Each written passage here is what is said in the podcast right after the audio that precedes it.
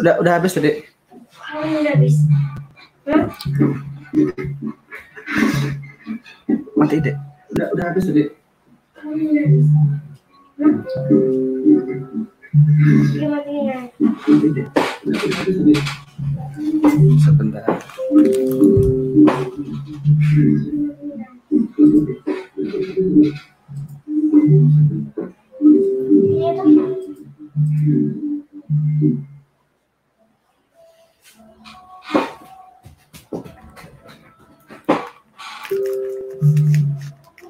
Assalamualaikum warahmatullahi wabarakatuh. Udah ada yang on. Kita lagi nunggu Mas Brian. Sambil nunggu Mas Brian. Oke, kita cek sound dulu. Di Facebook udah bisa terdengar belum ya?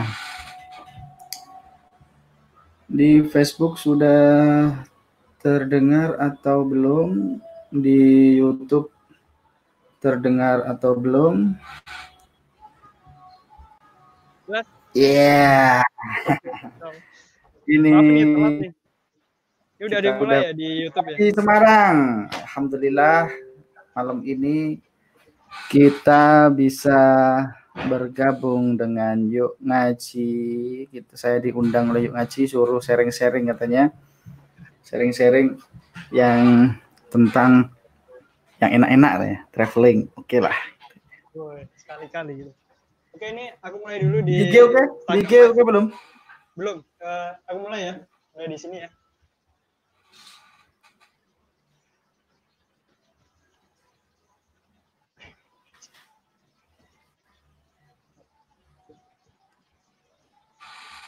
Cek sound. Cek sound jelas ya. yang di lagi melihat ini di YouTube atau di Facebook komen dong biar bisa ngecek suaranya udah kedengaran belum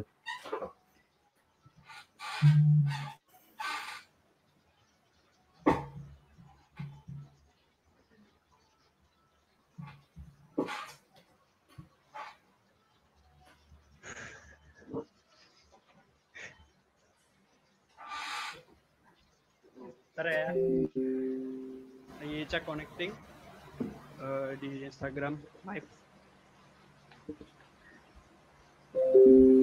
cek cek cek cek cek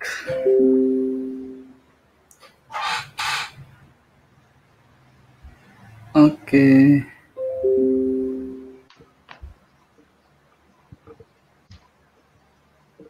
Oke, cek. eh, suaranya Mas Brian kayaknya belum belum ada nih Mas belum masuk ya. Di Instagram udah masuk apa belum? Eh, Oke, eh, Bismillahirrahmanirrahim. Eh, Assalamualaikum warahmatullahi wabarakatuh. Eh, terima kasih buat teman-teman semua. cek sound cek sound cek sound eh, Yung Aji Semarang eh, di Instagram Live yang udah eh, menonton, udah menyempatkan diri untuk Cek sound. Cek sound yang offline, yang online. Bentar ya. Oke suaranya jelas katanya Jelas ya, udah ya. Eh, terima kasih buat teman-teman. Eh, saya minta untuk eh, feedbacknya mengenai oke eh, suara, mengenai eh, koneksi barangkali. Jika ada eh, jika ada kendala, eh, tolong diberikan eh, feedbacknya. Jika sudah benar-benar bagus, eh, bisa dikasihkan jempolnya. Oke, pada eh, malam hari ini, di mana kita biasanya eh, Yung Haji Semarang mengadakan eh, sharing time gitu ya, yang sifatnya offline di eh, di masjid, karena kita semua tahu bahwa eh, keadaannya kayak gini, yang walaupun belum normal-normal banget gitu ya, eh, tapi kita belum berani untuk memper, apa, untuk memberanikan untuk eh, kajian secara offline, jadi kita online eh, bertajuk di gak offline ya online. Eh, tapi kali ini eh, mengenai traveling memang penting gitu Eh, bersama eh, salah satu eh, pembicara kali ini Pak Kombi sebagai speaker. Beliau udah melalang buana selama eh, udah 15 negara mereka kunjungi dari Turki hingga eh, hingga Spanyol, Cordoba, Granada hingga London eh, banyak negara yang udah beliau kunjungi. Eh, dan eh, saya ingatkan buat teman-teman tonton Instagram Live ini hingga selesai karena eh, ada giveaway selain buku Muhammad Al Fatih juga ada giveaway dari Ustadz Tompi. Eh, apa itu giveaway-nya? Eh, saya undang langsung beliau Ustadz Tompi Saiful Rizal untuk live bersama kita. Oke. By the way kita juga live di nggak hanya di Instagram, kita juga live di Facebook, di YouTube, eh, di kanal channelnya Satpompi Saiful Rizal dan Instagram di Facebook eh, Satpompi. Oke. Eh, baik. Assalamualaikum warahmatullahi wabarakatuh. Satpompi. Waalaikumsalam warahmatullahi wabarakatuh, Mas Brian. Masya Allah. Gimana kabarnya hari ini? Alhamdulillah, alhamdulillah. Baik banget, alhamdulillah sehat dan tetap di rumah aja. Tiga empat bulan ini kan di di rumah nggak bisa melancong ke mana-mana gitu. Kan hobinya memang traveling gitu kan eh, jalan-jalan. Eh, ada nggak agenda yang gagal gara-gara corona ini? Ada. Ada. Di mana? April, April, April ini sudah seharusnya sudah approval di Palestina sama Mesir, wah masya Allah tapi gara-gara ya gara-gara corona nggak bisa masuk. Jadi dari Israel karena kan kalau mau ke Palestina itu harus ke approval apa namanya? eh, Tel Aviv ya Yes, ininya ke Israel, izinnya ke Israel. Ya. April selain ke harusnya. Israel ke Israel selain ke Palestina ke mana aja Ya, selama agenda dua- 2020 ini eh, ke mana rencananya Oh. 2020 sebenarnya udah dari Januari, Januari, Januari itu umroh, terus Februari Maret itu kemarin ke UK, ke UK. Oh ke UK, United Kingdom. Oke Ya. oke ke London Itu- yang terakhir berarti. Yang terakhir, yang terakhir kemudian yang terakhir dan itu udah masuk masa-masa corona Maret itu. Oke. Yang habis dari China itu bukan? Yang Ustadz Pompi Iya, itu- juga iya. China juga kan? Ah. itu gimana rasanya habis dari China kemudian Iya. eh, di saat itu Iya, juga iya. ada apa berita-berita mengenai pandemi corona COVID-19 di dari China di mana waktu itu Iya. Indonesia belum masih nganggap enteng gitu termasuk saya juga gitu. Gimana itu perasaannya? Ya, yang yang yang dari Cina sebenarnya istri, istri Desember. Wah, itu udah deg-deg plus gitu kan ya. Tapi nggak di itu belum belum belum ada kabar corona. Eh, Baru kemudian eh Januari, eh, Februari, Februari. Wah, ini gimana nih yang pas kita ngajuin visa ke UK, ah. ada kabar-kabar ini yang habis dari Cina katanya China. mau ditolak gitu kan ya. Tapi Tapi akhirnya kesampaian kan untuk Proof, ke, proof. ke, ke Ya, UK itu ke London kan. alhamdulillah bisa sekeluarga ke Terus saya London. nggak diajak ya, keluarga ya. Tadi keluarga. Oke, eh, mengenai soal London nanti Ustadz Pombi bakal bagi-bagi gitu ya, eh, bagi-bagi soal eh, salah satu souvenir dari London tadi saya lihat gitu ya. Ya. Ada t-shirt langsung dibeli eh, dari London nanti buat teman-teman yang ya, mau buat giveaway, buat giveaway ya. Iya buat giveaway, jadi eh, tonton sampai habis. Nanti bakal ada syaratnya gitu ya, eh, yang pernah dipost. Eh, Asli ini ya. woi itu ini barangnya ya. Nanti di akhir acara Eh, ini bukan made in Jepara kan? made, made in-nya Bangladesh. Oh, tapi belinya tetap di di ini ya di di Inggris pakai pound Ya. sterling gitu kan. Beli belinya di Inggris tapi made in-nya Bangladesh. Karena di sana di Eropa, apalagi Ah. juga di Arab Saudi juga ya sekarang. Eh, Itu kalau nggak Cina, Bangladesh produk itu. Oh gitu. Iya, makanya daripada dari Se- dari iya, jadi- Asia gitu ya. Iya, merchandise merchandise-nya itu rata-rata dari Cina juga. di Eropa, di UK, di macam-macam itu kan ya. Di apalagi di Turki.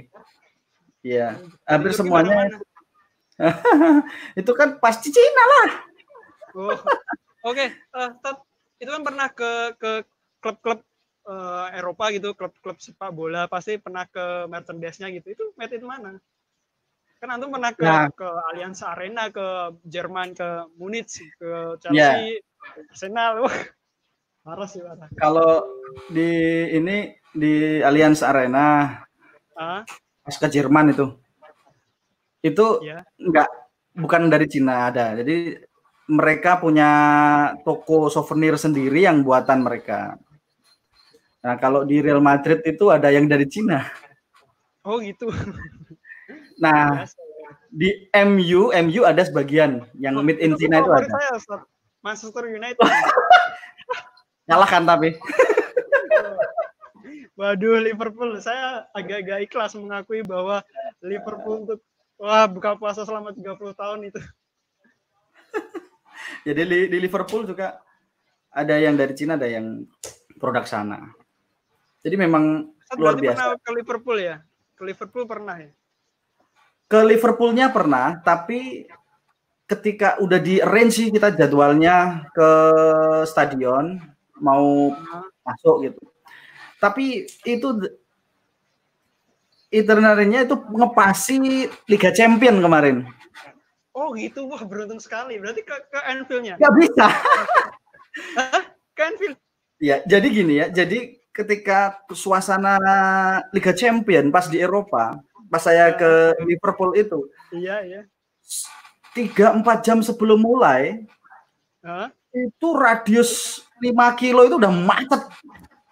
Wow, crowd banget pasti. Wah. Ya, karena Liga Champion ya yang datang itu Iya. Oh iya Dari- dari, Uni Eropa dari- itu ya? ya, dari bukan dari dari Usia Asia juga. Oh, berarti udah Orang-orang memang udah kayak sebuah apa ya pertunjukan semacam di sini kayak pertunjukan budaya yang udah kayak dinanti-nanti gitu ya. Iya, bisa jadi seperti itu. Ini katanya suara saya agak mantul-mantul ya. Oh iya, nggak memantul ya sebentar ya. Eh, Apakah eh, mungkin an- antum eh, ininya StreamYard-nya di ini ya, di di mute aja ininya, speakernya. Sebentar ya. Dikecilin, Yes. dikecilin. StreamYard-nya Bentar ya teman-teman ya. ya. Ini juga nggak nggak nggak enak kalau dengerin mantul-mantul.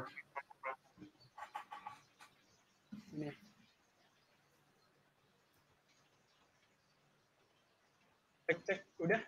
Coba Ustaz. Tes tes tes. Nah, ini nih udah nih mantap. Oh, ya, oke oke oke oke oke. Terima kasih teman-teman buat feedbacknya eh, tadi eh, soal suara. Terima kasih biar Ah, teman-teman oke, juga oke, oke, ngedengerinnya. Nah ini ngomong-ngomong Liverpool ini tadi ada trainer kita yang ngaji Semarang itu fan-nya Liverpool ini. Dia ketawa ke TV ini, masya Allah. Tapi fan Iya, iya, Liverpool iya. nggak ada apa-apanya kalau belum pernah ke Anfield-nya langsung, ke Liverpool-nya langsung. Gitu. Ke Liverpool itu sempet ke ini nggak? Sempet ke eh, jalan apa yang legend banget The Beatles itu nyebrang udah Iya. ke sana. Kita di The Beatles eh, di museumnya The Beatles juga karena karena harusnya ke Anfield terus kemudian nggak bisa akhirnya ke stadion The Beatles apa namanya museum The Beatles the museumnya Oh, di di museum museumnya. dekat, ya ada dekat ininya akhirnya eh, di dialihkan ke sana Jadi eh, penggemar pernah penggemar Beatles atau gimana? Enggak. Ya udah saya nikmatin aja karena di Liverpool gitu. Iya enggak sih saya saya kus plus Wah, generasinya emang jauh banget dengan saya. Iya. nggak penikmat musik klasik ya Hobi jalan-jalan ini memang dari kecil atau dari kecil maksudnya eh, suka main gitu dari SMA untuk keluar-keluar kota gitulah. Mungkin dari Solo ke Semarang ke Iya. Jogja atau gimana Ustaz? Eh, memang sejak SMP saya udah keluar ya keluar kota artinya udah nggak di rumah. Eh, Oh gitu. Berarti iya cita-cita dari dari SMP udah ngekos, gitu. ya? udah ngekos artinya udah pengen pengalaman baru. Jadi saya Oh gitu. se- setelah lulus dari SMP itu aku sekolahnya di luar kota sendiri. Jadi sekitar berjarak lima jaman lah perjalanan itu. Yang memang udah dari dari sejak habis SMP ke STM dulu, STM STM saya di luar kota.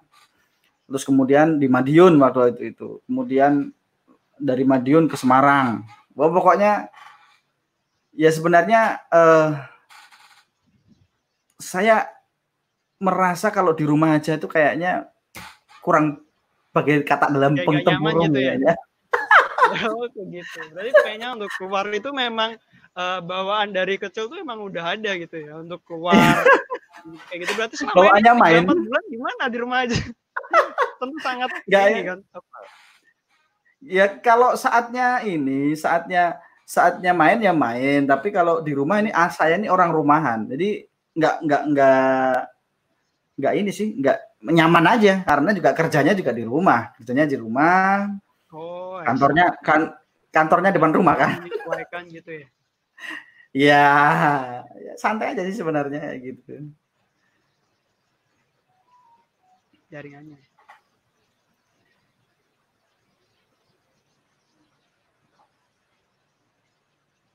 Koneksi. Iya, koneksi koneksi kamu kayaknya putus nyambung, putus nyambung ya.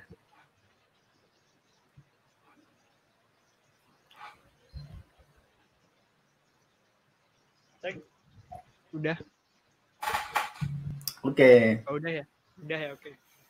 Berarti memang bisa dibilang memang demen main, demen tapi tetap bisa menyesuaikan dengan kondisi juga kalau memang eh, memang Iya. eh, lagi waktunya untuk butuh di rumah aja. Nah, untuk pertama kali keluar negeri itu kapan Ustaz dan di, di negara mana itu? Kalau pertama keluar negeri ya ke Mekah, Al Oh, Mukarramah. Masya Allah, langsung umroh ya. Ini Iya. kayak berarti menitis jalannya Iya. Ibnu Batutah gitu ya. Ibnu Batutah kalau mau keluar eh, negeri dulu ke luar negara dulu, beliau harus wajib ke ke, apa, Iya, ke tanah haram gitu ya. Ya itu komitmen Berarti ya, komitmen. ini berkahnya tanah haram eh, kemudian bisa menjelajah ini. Ya, komitmen aja dari memang dulu sudah nulis mimpi ya, nulis mimpi umur umur umur 28 targetnya sebenarnya pengen ke Baitullah. Tapi itu itu terwujud apa namanya di umur 30-an. Enggak apa-apa lah ya. 2000 2017 saya eh, untuk pertama kalinya keluar negeri ya eh, ke Makkah dan Madinah. Itu mengkomitmen sebelum ke mana-mana. Oh ya, itu dulu tanah suci dulu yang paling utama itu prioritasin ya aneh nanti kalau jalan-jalan ke mana-mana tapi belum pernah ke tanah suci malahan kan Iya. jadi aneh kan seperti Wah, Oke, setelah itu ke mana Ustaz? Eh, negara yang eh, membuat Wah, aku kalau mau jadi presiden, mau jadi aduh reconnect. ya bisa diulangi kayaknya agak agak nggak jelas ininya Ah, suara ente enggak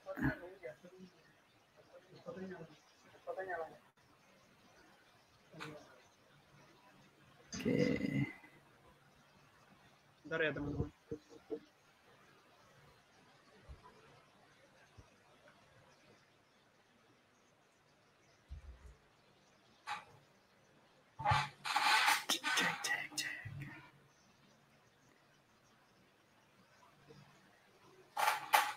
Ya tapi kalau di di YouTube kayaknya bagus jaringannya mohon maaf.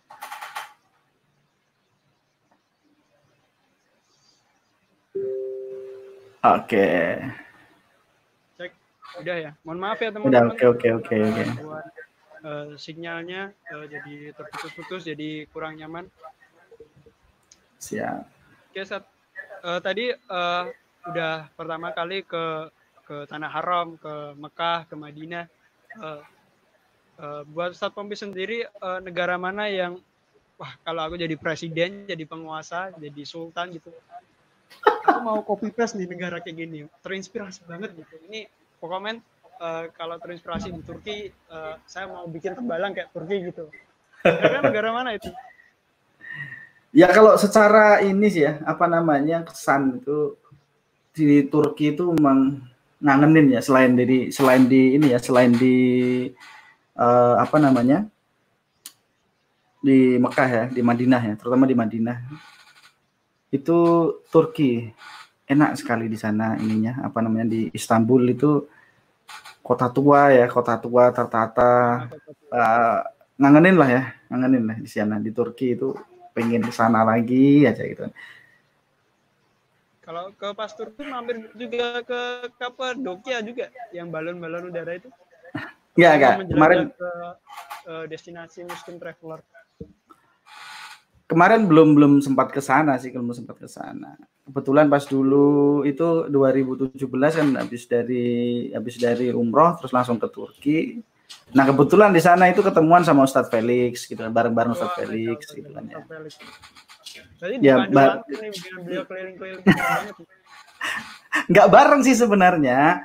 Cuma aku pas umroh beliau udah di sana duluan sama istrinya, udah semingguan lah di sana ada roadshow beliau di Turki. Kemudian wah kebetulan ini Nah, pas ke sana kemudian beliau ada apa namanya ya ngasih inilah get lah itu kan. Nah ternyata memang pemandu pemandu yang resmi dari Turki it- itu Hah? knowledge knowledge-nya itu kalah sama Ustadz Felix. Oh, kalah dengan beliau gitu. ya. Iya, tapi cuman kalau di Turki itu harus ada license-nya untuk menjelaskan di tempat-tempat wisata. Misalnya kalau masa masuk di Hagia Sophia, ke Hagia Sophia itu eh, nggak boleh ngomong kecuali eh, gate resmi. Jadi memang iya Itu memang kalau gitu. ya ada ada peraturan pemerintah dari sana, ada harus ada license untuk menjelaskan. Ya rata-rata memang kalau di sana yang gate itu di Hagia Sophia dan sebagainya kemalis lah ya. Ada mungkin nanti penjelasannya harus sesuai dengan kemauan, nah seperti itulah. Jadi kalau nggak nggak boleh, jadi yang eh, politik gitu ya. Iya ya, nggak boleh ngomong nggak boleh ngomong, ngomong banyak harus kecuali orang yang memang sudah punya lisensi apa namanya gate di sana. Gitu. gitu gitu Eh, gitu. Kalau aku Oke. lihat eh, di Turki itu kan eh, apa ya ada beberapa budaya yang mirip gitu ya dengan di Indonesia kayak eh, minum teh gitu. Mereka tuh lagi minum teh kayak, kayak kalau di kita kan juga gitu eh, habis makan gitu minum es teh gitu. Kalau Ya. menurut Sapompi sendiri eh, paling yang berkesan eh, selama 15 negara ini ke mana? Kalau soal dari, kalau soal kuli, kuliner ya, kalau soal kuliner. Kalau kuliner Iya, tuh nggak ada yang cocok. Oh gitu ya. Aduh. Apa harus memang ada. Indomie di di setiap eh, ke Itu. negara-negara sana itu? Ya itu pasti, atau, pasti. atau ada ritual-ritual khusus gitu sebelum sebelum prepare ke luar negeri gitu? Ya pasti. Sambel misal atau segala macam. itu pastilah ya. Apa namanya? Minimal eh, mini- minimal mie instan. Mie instan itu wajib. Mie instan wajib. Hmm. karena apa? Karena yang pertama kalau kita misalnya ke Eropa dan sebagainya kan kita eh, kalau tidak di tempat-tempat eh, restoran khusus yang halal itu kan kebanyakan memang apa namanya eh, resto nggak nggak kita bisa jamin ya kehalalannya. Nah, maka untuk makanan itu ya harus bawa yang instan-instan untuk untuk bertahan di sana. Misalnya nih ya, misalnya misalnya ke Athena ya. Dulu memang kebetulan dapat hotel yang memang eh, masakannya itu nggak pernah halal gitu loh. Oh, Jadi nggak nggak nggak bisa kita makan di sana gitu. Makanya ada ada apa namanya eh, mie instan dan sebagainya itu telur dan sebagainya. Paling yang bisa kita makan kalau di sana itu ya telur, telur rebus kayak gitu kan ya. telur Kemudian rebus. kemudian mie instan yang kita Tela- bawa, tela- sambel kayak gitu. juga gitu. Nggak ada telur di sana. Cuma memang Atau bawa frozen frozen food dari dari Indonesia juga atau gitu. nggak ada lah paling camilan-camilan yang memang awet ya dan apa namanya eh, tidak tidak dilarang ketika lewat kalau cairan kan nggak nggak nggak bisa lewat kalau pakai di tas ya. Yang ini aja lah yang yang safe yang safe aja. Kalau eh, di apa namanya eh,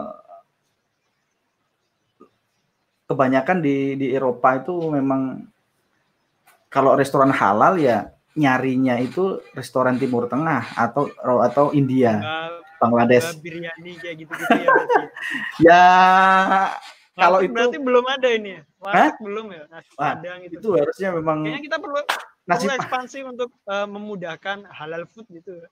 nasi padang memang sandwichin. ya gitu nih nasi padang harusnya memang bisa di Eropa itu wah kayaknya enak gitu ya kangen banget buat yang jadi tantangan nih Ustaz, sebagai seorang muslim eh, buat traveling itu apa aja Eh, selain makanan halal mungkin eh, tempat sholat atau segala macam ada nggak yang Nah. tantangan-tantangan sampai Kalau- banget sih? tempat sholat tempat sholat alhamdulillah selama ini kita tidak tidak ada masalah ya. Karena memang kita rencanakan kemudian kita memang sengaja di Eropa itu eh, nyari masjid-masjid. Nyari masjid-masjid. Gitu. iya. Sekalian Jadi- jalan-jalan kayak iya macam-macam misalnya nih. kota Eropa gitu Iya, misalnya nih subuh nih, wah ini besok malamnya udah riset dulu, dari dari riset dulu. Dari sini masjidnya nanti ke mana nih? Nah kebetulan kalau di Yunani itu memang masjid eh, nggak dilarang ya, masjid dilarang. Oh, karena ada- ada- iya. Itu ya Ya kalau di Yunani memang kan ada trauma sejarah, ada trauma Oh, sejarah. sih. oke ini Iya, hubungannya karena dengan memang- di Konstantinopel ya Iya, karena memang dulu kan membekas sampai hari ini ya. Ya, selama 300 tahun Yunani itu kan eh, dalam apa namanya kekuasaan Utsmani ya, Ottoman ya. Nah, Iya, ketika tahun 1800 ada revolusi di sana eh, menyebarkan nasionalisme Yunani di sana, akhirnya memang menganggap bahwa Utsmani itu penjajah. Jadi Oh, Muslim, narasi ya. di mereka tuh kayak gitu ya? Iya, nah jadi ketika kita berdebat sama apa namanya eh eh, Get ya, Get Get yang khusus ah, paham sejarah dia, kita apa namanya nyari Get yang memang paham sejarah, kita ke museum, ke Parthenon dan sebagainya. Narasinya itu kepada Muslim tuh ya negatif memang kayak gitu, karena memang Iya, iya, memang memang apa namanya dianggap bahwa uh, Muslim itu penjajah, Utsmani itu penjajah mereka. Ini yang yang saya dengar di sana. Nah, akhirnya sampai sekarang pun tidak ada masjid agung, masjid masjid secara resmi di Yunani. Akan tetapi karena memang uh, banyak sekali ya uh, kaum Muslim di sana, terutama keturunan dari tim apa namanya uh, India, Bangladesh, Ah, eh, Pakistan dan sebagainya itu banyak yang di sana jadi pekerja-pekerja kayak gitu. Nah, kebanyakan masjid-masjid di sana itu bekas dari eh, apartemen-apartemen yang dibeli kemudian disulap jadi masjid. Jadi apa namanya? studio studio apartemen kecil-kecil gitu yang memang sengaja yang dalam tanda kutip kita Ya. kayak sembunyi gitu ya.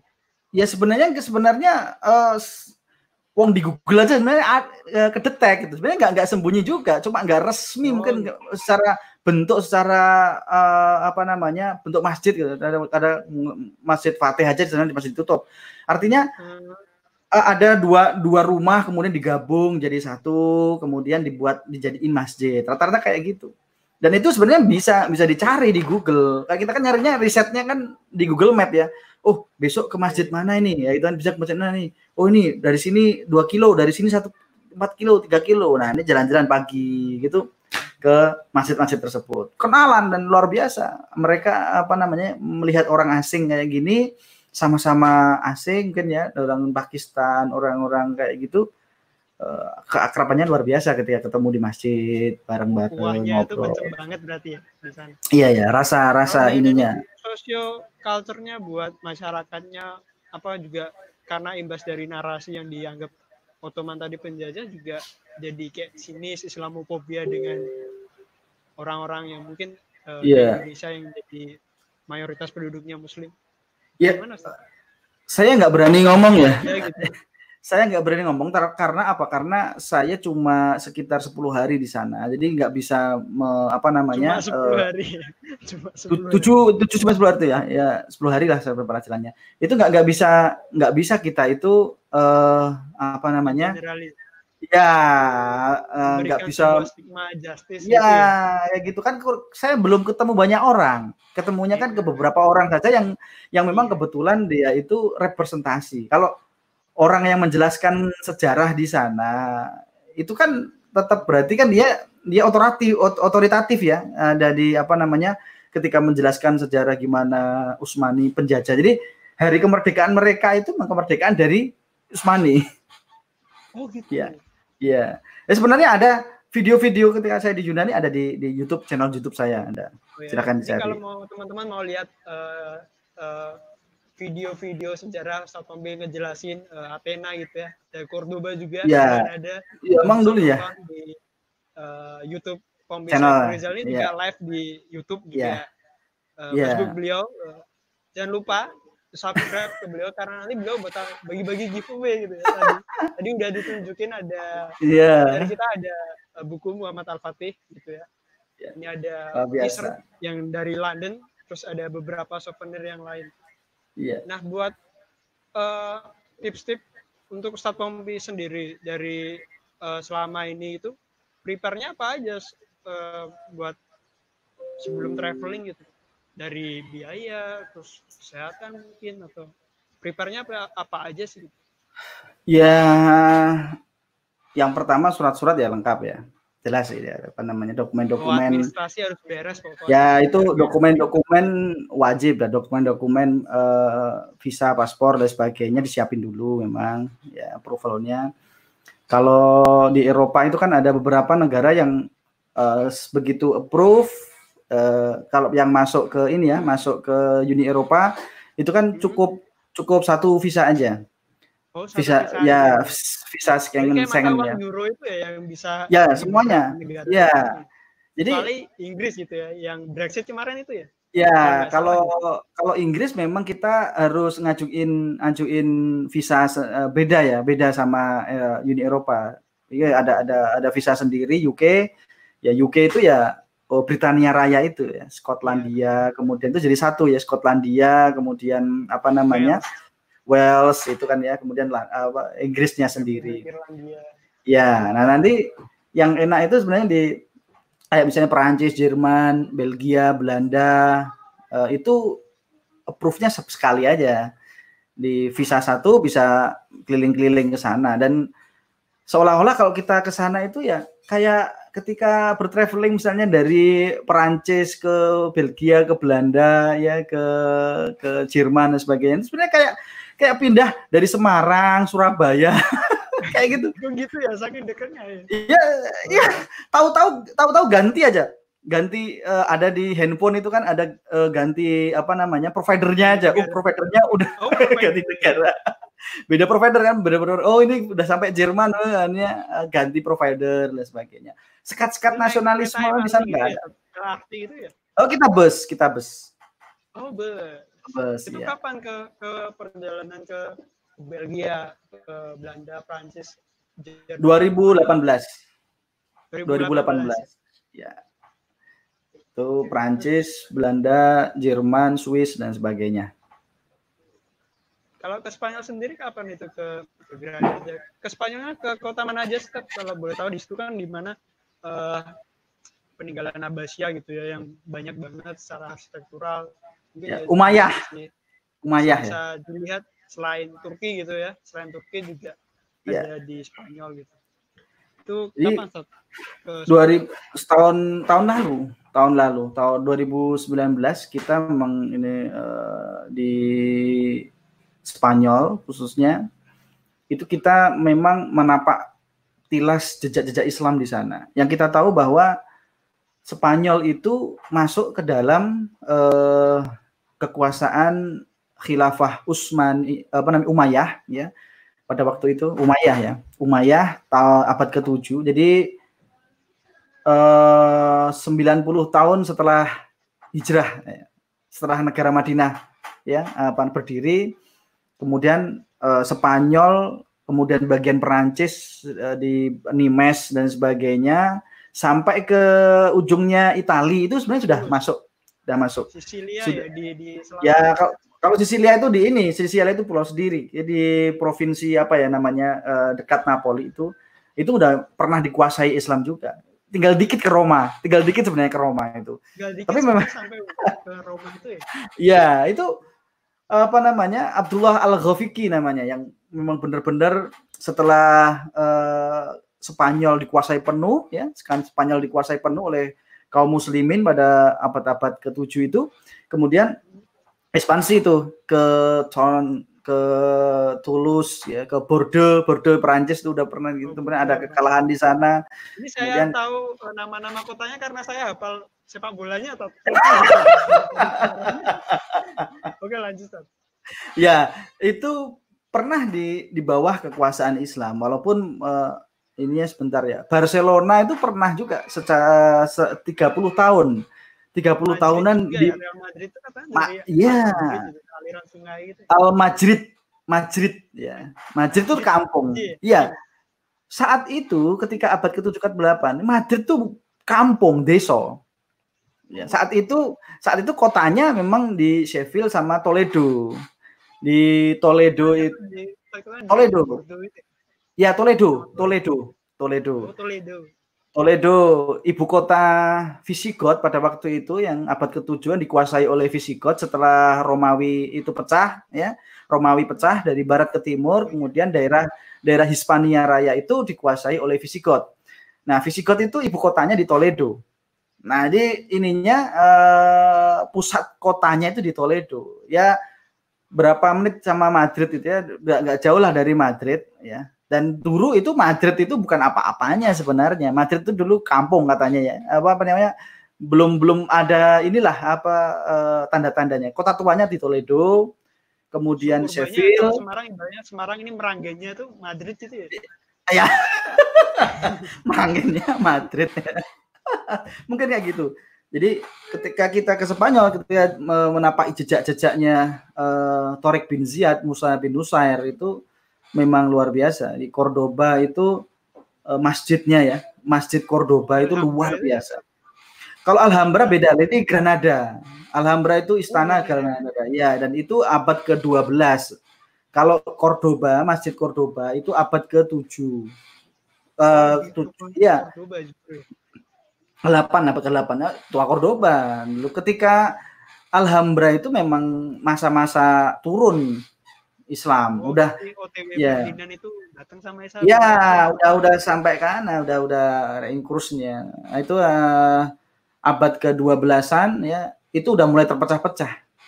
Udah Islam udah mulai terpecah su ketika memang udah udah bukan eh, daulah Utsmani ya, apa namanya, Umayyah ya, Umayyah Umayyah udah lepas, kemudian Abbasi, kemudian kan dilepas ya di nah, dia ada kota-kota kecil-kecil yang memang terpisah-pisah sendiri-sendiri. Emirat kecil itu ya. Yes, kerajaan sultan-sultan sendiri. Ya termasuk di apa namanya eh, Granada itu. Kemudian ada membangun yang namanya Istana Alhambra itu. Nanti ada ada ada ada apa namanya merchandise yang asli saya beli di Oh, Alhambra. Oh gitu. Alhambra. dari Alhambra. Juga ya. Ya, Granada ada. Alhambra ya. Nanti kita kasih kita Alhambra, kasih. Udah, terus eh, apa buku Muhammad Al Fatih Turki udah. Wah, mantap ya. Jangan lupa. Saya dikasih nggak nih BTW? Iya. Hostnya enggak. Saat ini Iya, kan eh, apa biasanya anak muda itu kan eh, pengennya keluar-keluar gitu kan eh, buat refresh, buat ke luar negeri. Jadi Ustaz Topi udah bilang bahwa kita harus beresin apa namanya administrasinya dulu.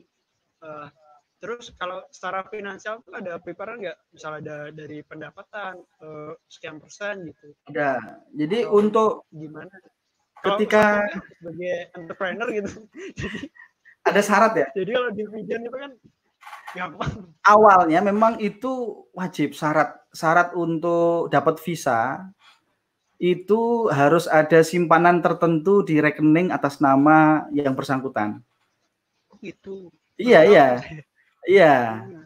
Jadi kalau misalnya nih ya ke ke ke Spanyol misalnya kita mengajukan visa Schengen ya itu minimal ya sekitar ada di rekening itu harus ada sebagai syarat itu kan ya eh, di print gitu di di stempel oleh bank terkait sekitar 30-an ya gitu satu orangnya. Nah, itu harus dibuktikan itu supaya apa? Sebenarnya Eropa itu pengen apa namanya ketika orang yang datang itu nggak nyari kerja, bukan pelarian, bukan ke sana itu. imigran gelap-gelap gitu Iya, ya, yang mereka tuh ke- gini. mereka tuh pengen ke sana itu ya belanja ya kayak gitu. Memang mereka kayak gitu. Nah, anehnya kalau untuk di sana. ya. iya, anehnya kalau Indonesia berbeda. Sini datang, ya seperti itu kan ya. Kerjanya di Ayo sini. gitu. Cara belak-belakan gratis gitu. Belakangnya ya, ya apa namanya bukan belanja malah ngabisin uang di Indonesia kan, ngambilin freeport ya. Apalagi sekarang TKA TKA banyak sekalian seperti itu. Jadi selundup-selundupin. Visinya beda mungkin ya. Gampang sekali kalau di Indonesia masuknya. Kalau di Eropa susah. Ya harus tadi itu memastikan diri bahwa yang datang ke Eropa yang dapat visa itu bukan apa nyari kerja, bukan pengangguran. Kalau anak-anak juga harus ada surat resmi dari sekolah ya, dan sebagainya. Itu administrasi yang sampai sampai disiapkan. sebetulnya kecil itu pun itu kalau ke Eropa atau negara Asia Hampir seluruh Eropa, Eropa, Eropa, itu, Eropa. itu juga Itu ke Eropa. Ke Eropa seperti itu. ke Eropa ya. Ya. Berarti lebih mereka lebih lebih ketat gitu ya bisa dibilang. Ya, ya, ya secara administrasi seperti itu syaratnya memang.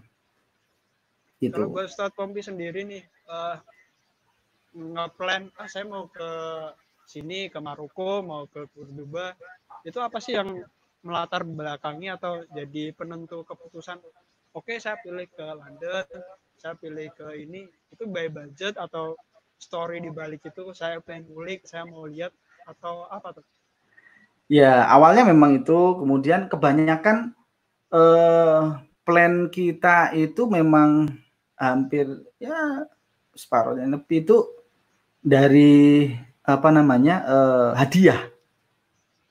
oh Jadi jadi hadiah. Jadi eh, ada supplier yang kita jual produknya itu oh eh, iya apa namanya eh, ngasih ngasih apa namanya tiket kita kayak gitu. Oh ya kita nyiapin ininya aja aja nyiap. Tapi persiapan dan sebagainya yang mengatur sendiri.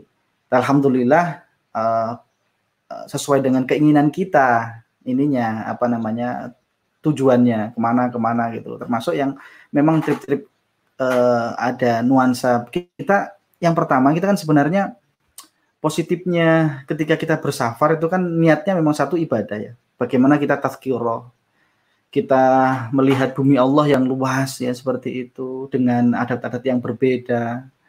Insya Allah ketika kita niat safarnya ibadah menambah keimanan, menambah ketakwaan dan sebagainya.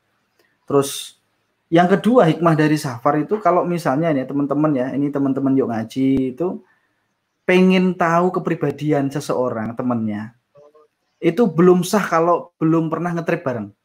diajak diajak jalan-jalan gitu ya Bareng, iya, karena di situ kemudian eh, Umar bin Khattab radhiyallahu an itu kan pernah berkata bahwa eh, seseorang itu belum tahu, belum mengetahui akhlak ya dari temannya tersebut sebelum kita mengajuin oh ini dia orang baik, oh, belum tentu. Ya, ada beberapa ada beberapa syarat. Kalau kamu menganggap dia itu baik itu harus apakah kamu sudah pernah safar bersamanya? Kayak gitu kan ya. Yang kedua, apakah kamu sudah pernah bermuamalah dengannya? Ya. Nah, itu eh, apa namanya? bisa eh, safar itu bisa menim, apa ya, mengeluarkan eh, eh, sifat asli. Hal aslinya itu ya Iya, iya, benar. ketika ngetrip bareng, oh ini egois, oh ini egois sih, gitu itu kan ya. Dari situ kelihatan nantinya, oh iya, yang orangnya suka berbagi ya kayak gitu juga. orang lain Iya, ketika ngetrip pasti tak pasti ada itu sifat-sifatnya seperti itu keluar tuh. Oh misalnya ini punya bekal tapi dikekepin sendiri nggak dibagi-bagi. oh ini orangnya pelit, ya kayak gitu. kayak gitu. Iya ya, itu tetap tetap itu kan nanti akan akan tampak sifat aslinya itu kan akan tampak di, di situ kan dari dari safar ini kan dari safar itu membuat ininya. Dan yang ketiga eh, safar atau traveling itu eh, habits ya kebiasaan kebiasaan para pencari ilmu sejak dulu. Ya seperti kita tahu ya Imam Bukhari itu bagaimana itu mencari mencari hadisnya dari Bukhara. Ya, Bukhara itu daerah dekat Tajikistan, Cina ya, Uzbekistan sekarang kan seperti itu kan ya. Uzbekistan sampai ke sampai ke daerah timur tengah, ke Arab dan sebagainya, perjalanannya jauh banget. Ya. Itu Kemudian dulu gitu. dari- aja. Oh iya. Dulu- sekarang du- dulu naik onta kan jauh banget kan. Dan demi mencari hadis men- memverifikasi. Lah iya memverifikasi hadisnya itu. Kemudian Imam Syafi'i. Imam Syafi'i kita kenal dengan apa namanya eh, seorang imam mazhab yang paling terkenal ya di Indonesia. Rata-rata memang sebagian besarnya mazhabnya Syafi'iyah ya walaupun mazhab Syafi'iyah walaupun ada beberapa yang nggak manut sama Syafi'i Eh, itu kan apa namanya eh, ada namanya call call qadim ada call jadid. Pendapat yang sebelum dia eh, beliau safar ada se- pendapat yang saat beliau itu di Baghdad. Artinya pendapat baru. Artinya apa? Ada pengalaman baru ada insight baru ada eh, apa namanya apa-apa sesuatu yang memang belum beliau perspektif baru yang belum belum ditemui beliau ketika berada di Palestina seperti itu makanya ini apa namanya eh, luar biasa eh, safar itu di sana dan yang keempat ya yang kenapa kok harus suka safar Safar. ya itu adalah doanya orang yang lagi safar itu mustajab Oh, Iya. Iya. Ini ada pengalaman menarik memang pengalaman menarik yang sangat menarik sekali buat saya pribadi yang ya apa namanya eh, saya alami jadi eh, s- saya punya eh, an- anak kan ya eh, anak saya perempuan itu udah umurnya 9 tahun Iya, iya.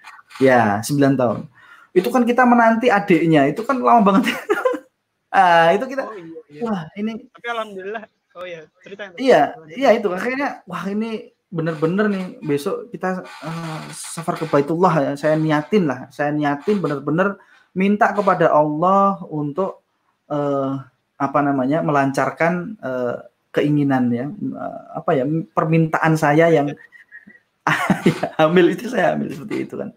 Wah luar biasa. Jadi setiap di jalan pokoknya eh, apa namanya eh, wirid saya itu ya permintaan itu aja. Robi habli minas solihin, Robi habli minas solihin. Terus bahkan ketika saya tawaf itu, saya tanya kepada uh, Ustadz pemandu, Ustadz boleh nggak sih apa namanya doa eh, doa tawaf itu sama ya sama semua. Jadi kan ada tujuh kali kita muter di Ka'bah itu, kalau sama semua gimana? Boleh aja gitu kan ya. Oke, jadi doa selama tujuh itu wiridnya ya minta anak. luar biasa. Dan alhamdulillah begitu kita nyampe di Indonesia ya, alhamdulillah kabar apa namanya eh, kabar itu setelah dua bulan kemudian alhamdulillah diijabah oleh Allah. Nah ini berkat safar ya. Karena orang eh, musafir itu doanya mustajab. Jadi insya Allah kalau yang pengen eh, lulus cepet ya sering-sering safar mungkin ya mau cepet mau banyak manfaat. iya iya Memang manfaatnya banyak banget juga dalam Islam pun juga iya ngatur gitu ya. iya harus tapi tetap itu tadi gimana ya. Bahkan ketika misalnya ki- ada keringanan buat ibadah yang wajib. Iya. ya. ada apa ruksoh ya ada ruksoh yang kemudian azimahnya sholat itu eh, empat rakaat misalnya ketika duhur asar ya itu ada ruksoh untuk diringkas ya. Ada ruksoh untuk digabungkan. Itu untuk apa? Luar biasa Islam itu. Masya Allah ketika kita safar itu benar-benar merasakan ya Allah ternyata eh, Islam itu kalau kita mengerjakan itu memang nggak ada yang mempersulit, nggak ada yang mempersulit. Ibadah dan sebagainya itu memang ini agamanya manusia banget ini kan seperti itu kan ya. Lu- luar biasa. Jadi kerasa itu ketika kita mengatur jadwal dan sebagainya dengan adanya apa namanya fikih ya eh, jamak kosor itu memang ketika kita safar jadi solusi yang luar biasa enak gitu, Jadi itu. mobilitasnya tuh jadi lebih enak gitu. Iya, ya seperti itulah ya. ya. Alhamdulillah memang luar biasa dari banyak sekali hikmah-hikmahnya. Tapi tetap ya, pertama ketika kita keluar rumahnya tetap niatnya itu ibadah bagaimana supaya apa? Supaya ada hidroksilabilah. Ada apa namanya kesadaran ketika kita keluar ke- ketika kita keluar rumah itu tetap merasa diawasi oleh Allah sehingga ketika pas safar itu eh, kita berdoa lah ya eh, agar jauh dari safar yang kemaksiatan dan sebagainya. Nah, senantiasa itu ketika berjalan ya insya Allah harus eh, benar-benar eh, keterikatan kepada Allah itu di- dijaga. Gitu. Ini dari dari awal tadi ditanya-tanya soal eh, negara mana yang paling berkesan, kuliner, terus administrasi sam- sampai di eh, akhirnya di dikeluarkan semua gitu kan bagaimana Islam ngatur safar ini manfaatnya Masya Allah luar biasa tadi ada yang tanya Ustadz emang dari awal traveling udah sama istrinya gimana Iya sudah, sudah sama istri. Iya. Jadi awal umroh sama istri, terus selanjut selanjutnya sama keluarga, sama anak istri anak istri. kalau solo traveler berarti belum pernah gitu atau ada keinginan Solo solo traveler ke ke Yunani. Sendiri gitu solo gitu Solo traveler sebutan sendiri itu ke ke Yunani itu saya sendiri. Saya apanya nggak ngajak anak istri, yang nggak ngajak anak istri. Sama teman-teman ada rombongan itu ada. Gitu mas. Oke, ini buat teman-teman yang mau bertanya gitu ya, eh, silakan. Ini juga ada eh, tanya, sudah ada Q&A yang tadi ini sudah coba saya baca ya, Pak. Ada Diana Aprilia, gimana sih biar nih, gimana sih biar bisa traveling gratis? Iya. Gimana Ustaz? Saya juga pengen traveling gratis. Saya travelingnya gratis itu banyak kan. Kebanyakan itu gratis. Jadi jadi memang eh ini ya ada ada apa namanya semacam target ya target dari perusahaan apa tempat kita eh, mengambil barang untuk jualan kita kan kita kan berdagang seperti itu jadi kalau kamu omsetnya segini nanti saya hadiahin eh, apa namanya eh, tiket ke umroh tiket ke Jalan ke sana gitu. Iya, ngetrip mau pilih mana nanti ya Jadi seperti itu. Buat, eh, eh, jualan buat dagang itu buat marketingnya Iya. gitu ya. Iya, makanya ada goal, ada goal. ya, Ini ya males-malesan gitu. iya, saya wah ini tahun depan ini ke mana ini ada ada ada tiket ke Eropa ini ya. Wah, akhirnya eh, terpacu piye carane akhirnya kan piye carane oh jualan apa namanya eh, ini ya dikencengin jualannya seperti itu. Ya makanya alhamdulillah eh, selama ini eh, hampir semu seluruh traveling saya itu gratis. Ya. Hampir hampir semuanya gratis, hampir semuanya gratis. Termasuk ke UK, ke Cordoba, ke Spanyol itu juga dibiayain. Ya, kita bertiga dibiayain oleh perusahaan yang produsen produk-produk kita. Ya alhamdulillah, alhamdulillah rezekinya. Kalau di dalam negeri sendiri ke Indonesia gitu, misal ke NTB, ke Lombok gitu, Sudah pernah. apa lebih in- intens di keluar negeri atau ke dalam-dalam juga? Iya. Kalau di dalam negeri mungkin yang belum pernah saya kunjungi itu Pulau Kalimantan sama Papua saja sebenarnya. Sulawesi pernah, Sumatera saya pernah hampir setahun di Sumatera. Di Lombok, Bali, NTB sudah pernah juga. Yang belum Kalimantan sama ini Papua. Ke Ya. Kalimantan kalau udah jadi eh, Sultan Batu Bara mungkin.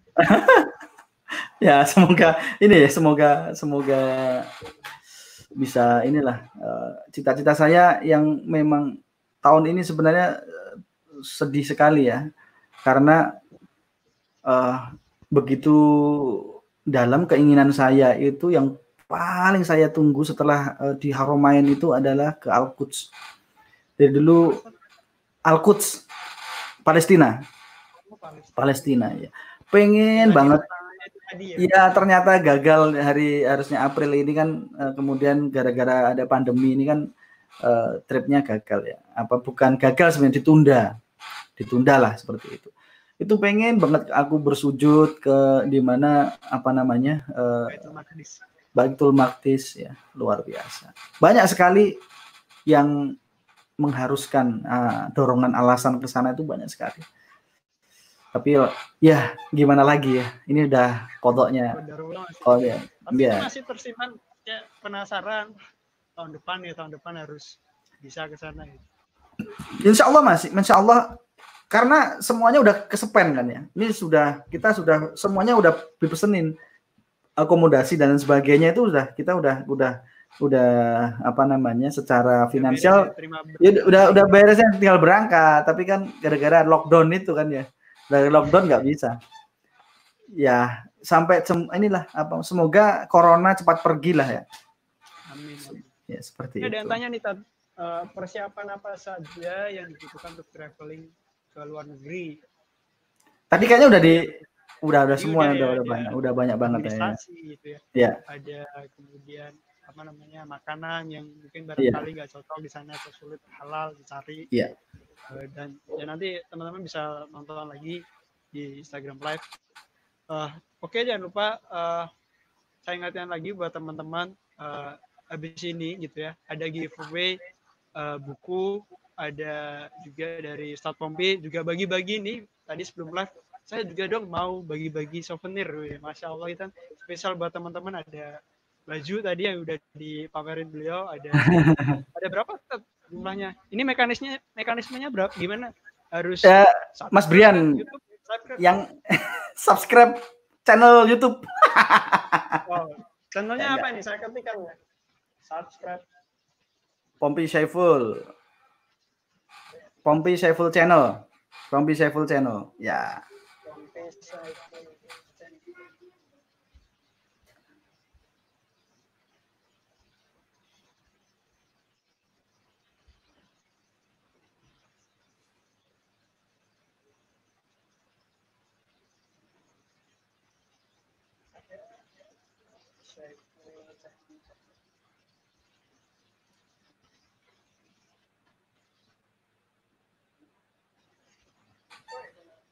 nggak enggak ini. Dan nanti buat teman-teman jangan lupa subscribe uh, channelnya yeah. Ustadz Pompi gitu ya, Pompi Syaiful Rizal. Uh, karena beliau nambahin giveaway sendiri gitu ya.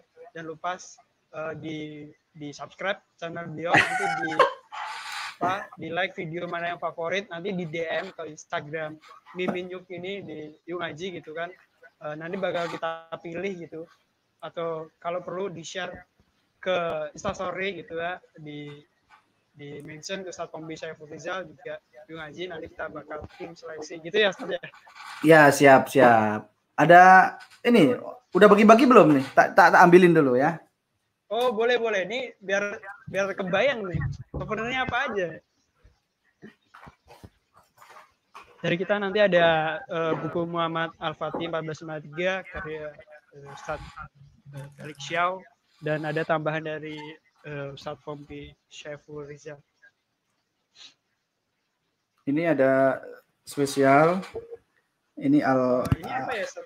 Dari Alhambra. Ini. Oh dari Alhambra. Mer merchandise. Merchandise, oke. Okay. Kemudian merchandise biasa kulkas dari Athena ya. Athena ya Yunani. Yeah. Wow. Kemudian kalau yang Semarang kan sumuk ya. Semarang itu kan sumuk. Nah, ini kipas dari Granada. Oh, Granada. Oh, Masya Allah. Kipas dari Granada, Gornato. Ya, seperti itu kan Gornato. Nah, ini yang ini Granada. Nah, gambarnya Alhambra sama apa ya? Ini ya, gambarnya Alhambra. Terus ada t-shirt, t-shirt London ukurannya L ya. Nanti ukurannya L. Jadi kalau yang gede-gede gemuk-gemuk ya nggak bisa. L ya, L, L hampir sama lah ya. Ini internasional kalau L lah ukurannya L. Oh iya, L-nya luar ya, Europe. Ya? Iya, Europe ya, sama, sama lah. Oke, ini kita udah gak kerasa Ustaz, udah 59 menit nih di sini. Siap. Sejam. Uh, ada nggak Ustaz buat uh, penutup buat eh, teman-teman yang mau traveling gitu atau berpesan apa uh, untuk sebelum uh, memulai traveling mereka ke luar negeri? Ya, yang pertama eh, traveling itu niatkan untuk mendapatkan sesuatu experience, bukan hanya senang-senang belanja dan sebagainya.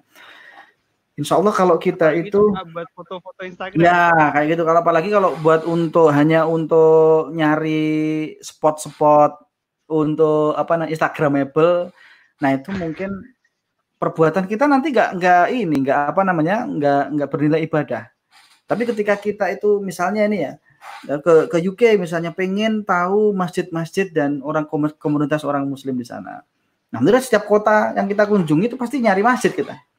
Masjid. Oh masjidnya pernah masjid eh, ada fotonya eh, masjid ke Manchester nyari masjid. Ke Liverpool ada kita ke masjidnya ke apa namanya London kita ke masjidnya ke Scotland ke Edinburgh ya. Edinburgh itu kemarin juga dari masjidnya. Bahkan di Perancis dan sebagainya kita tahu masjid-masjidnya masjidnya mana aja masjid yang paling bagus itu di kota mana itu ada semuanya. Ada niat ibadah di sana. Terus yang kedua eh, experience apa sih yang mau kita apa namanya cari ketika kita traveling gitu ketika kita eh, apa namanya misalnya kalau kita ke spot alam dan sebagainya ya maka ketika kita berkunjung ke destinasi-destinasi tersebut ya harus menambah ketakwaan. Keindahannya itu menambah ketakwaan bukan kemudian malah justru kita bermaksiat dan seperti itu. Yang kedua ketika kita berkunjung ke daerah-daerah yang ada nilai historisnya maka kita harus uh, apa namanya mengambil ibroh. Harus mengambil ibroh. Maka uh, kalau bisa memang kita itu ke tempat-tempat apa namanya misalnya ke Eropa apa ibroh yang bisa kita ambil dari sana? Ya oh misalnya ke peradabannya ke ininya apa uh, peninggalan-peninggalan. Insya Allah uh, dari situ kita bertambah experience bertambah knowledge-nya dan sebagainya. Misalnya kita kalau misalnya nih uh, ke Demak kan luar biasa itu. Banyak sekali kan tinggal dengan cara kan ya dekat sama rumahnya ente kan ya. Ke bagaimana kita ke Cirebon ya. Apa namanya me, menapak tilas menapak menapak, menapak tilas uh, kesultanan-kesultanan di Indonesia yang memang ya, luar biasa ke ke ke Bluro ya gimana di sana kan juga ada dulu pernah ter, ada kekuasaan Aryo Jipang ya Aryo Penangsang di sana kan pasti ada peninggalan-peninggalan yang luar biasa. Bukan Aryo Penangsang itu ya Demak lah. Oh, Demak ya. Maaf, eh, kayak gitu artinya oh kemudian akhirnya apa yang kita dapat dari sana oh ada insight apa ya, kalau nggak menambah ilmu menambah ketakwaan terus cuma traveling saja itu menurut saya ya nggak penting kayak gitu loh kalau hanya sekedar titik pentingnya enggaknya tuh eh, ketika mampu menambah ketakwaan Iya, kita, iya. dapet, eh, pelajaran-pelajaran oh, Ya oke, benar, banyak sekali. Apa sih yang kita dapat dari sana? Kalau misalnya ketika kita cuma jalan-jalan ngabisin uang, terus dapat apa? Ya itu yang dicontohkan para sahabat dulu kan, misalnya para ulama-ulama salaf, para apa namanya pengemban-pengemban eh Dakwah. ya dakwah, bagaimana itu? Nah, seperti itu. oh ternyata habis Ah, ini kayaknya apa namanya? eh, yuk ngaji sudah satu jam maksimal IG live itu satu jam kan ya? Ma- maksimal IG live itu satu jam. Nggak ada remindernya ini masih berlangsung nggak di sini Oh gitu ya, siap siap siap. Tapi di, di sini kayaknya aku sudah nggak nggak bisa lagi nih disconnect kayaknya.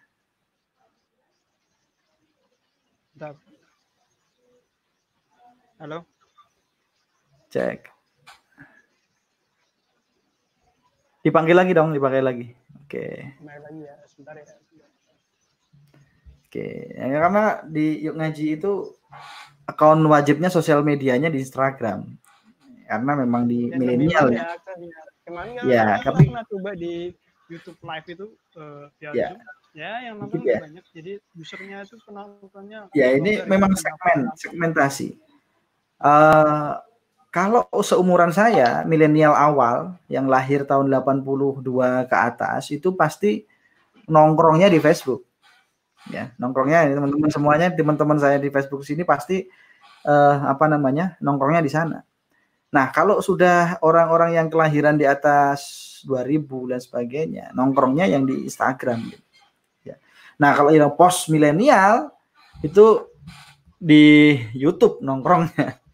Karena memang setiap apa namanya eh, setiap sosial media itu punya segmen masing-masing yang saya pahami seperti itu makanya kita harus Ya, cek. nah, sendiri ya.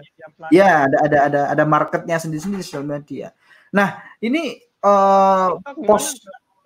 Kayaknya udah post- banyak yang udah mulai TikTok kan juga lihat lihat gila. Iya, sekarang sudah eh, anak-anak yang dulu eh, mengenal TikTok ya saat eh, satu angkatan sama Bowo. nah, sekarang TikTok itu menjadi ya. iya, TikTok itu kan sekarang menjadi sosial media yang growth-nya itu memang luar biasa tinggi di Indonesia. Indonesia itu uh, the largest of TikTokers ya seperti itu. Jadi uh, growth-nya ya, pertumbuhan yang download Instagram dibanding dengan TikTok itu sekarang Instagram kalah jauh, hampir separuhnya. Jadi Dan kita bikin konten di TikTok itu followernya cepet ini cepet nambahnya gitu. Iya. Hari bisa ratusan ribu. Gitu. gitu ya, makanya memang uh, algoritmanya di TikTok juga masih belum terlalu ketat ya seperti awal-awalnya Instagram dulu mungkin kan reach-nya itu tinggi banget. Belum pakai bubble algorithm. Orang yang seketika follow ya dapat updatean dari Instagram. Nah, itu yang masih dipakai di TikTok sekarang. Iya.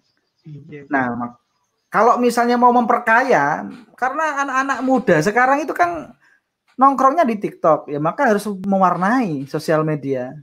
Ya biar nggak harus joget-jogetan semua kayak gitu kan. Iya, ini Gimana nih? sih. Masih mau live di Instagram? Ini aku udah live tapi belum yang nonton, belum ke connect, ini udah aku buka. Paling nanti nutup aja Ustadz, eh, ngingetin lagi karena tadi kan tiba-tiba gitu ya. Ya. aja sih. Ininya apa namanya? eh, giveaway-nya gimana? Giveaway-nya nanti eh, yang nonton kan kita udah publikasi yang soal buku itu eh, udah Hmm. diposting. Eh, nanti yang soal eh, apa namanya? Soal tambahan dari Ustadz Pompi eh, yang tadi kita Ya. sampaikan gitu ya bahwa Sekalian aja. untuk eh, iya Nanti eh, untuk untuk di Saya serahkan teman-teman untuk mekanismenya gimana terserah lah ya gimana siapa Oke. yang ini dan sebagainya. Nanti teman-teman saat ini udah live di Instagram eh, kalau mau join Gimana caranya? kita nutup Soalnya saya itu ah, ya ya. Tadi aja gini kan ya. Mohon maaf ya tadi harus eh, keputus secara tiba-tiba karena nggak ada remindernya kalau ternyata udah satu jam gitu ya. Ini Capom udah ada. Udah join lah ya. ada. Yes. Oke.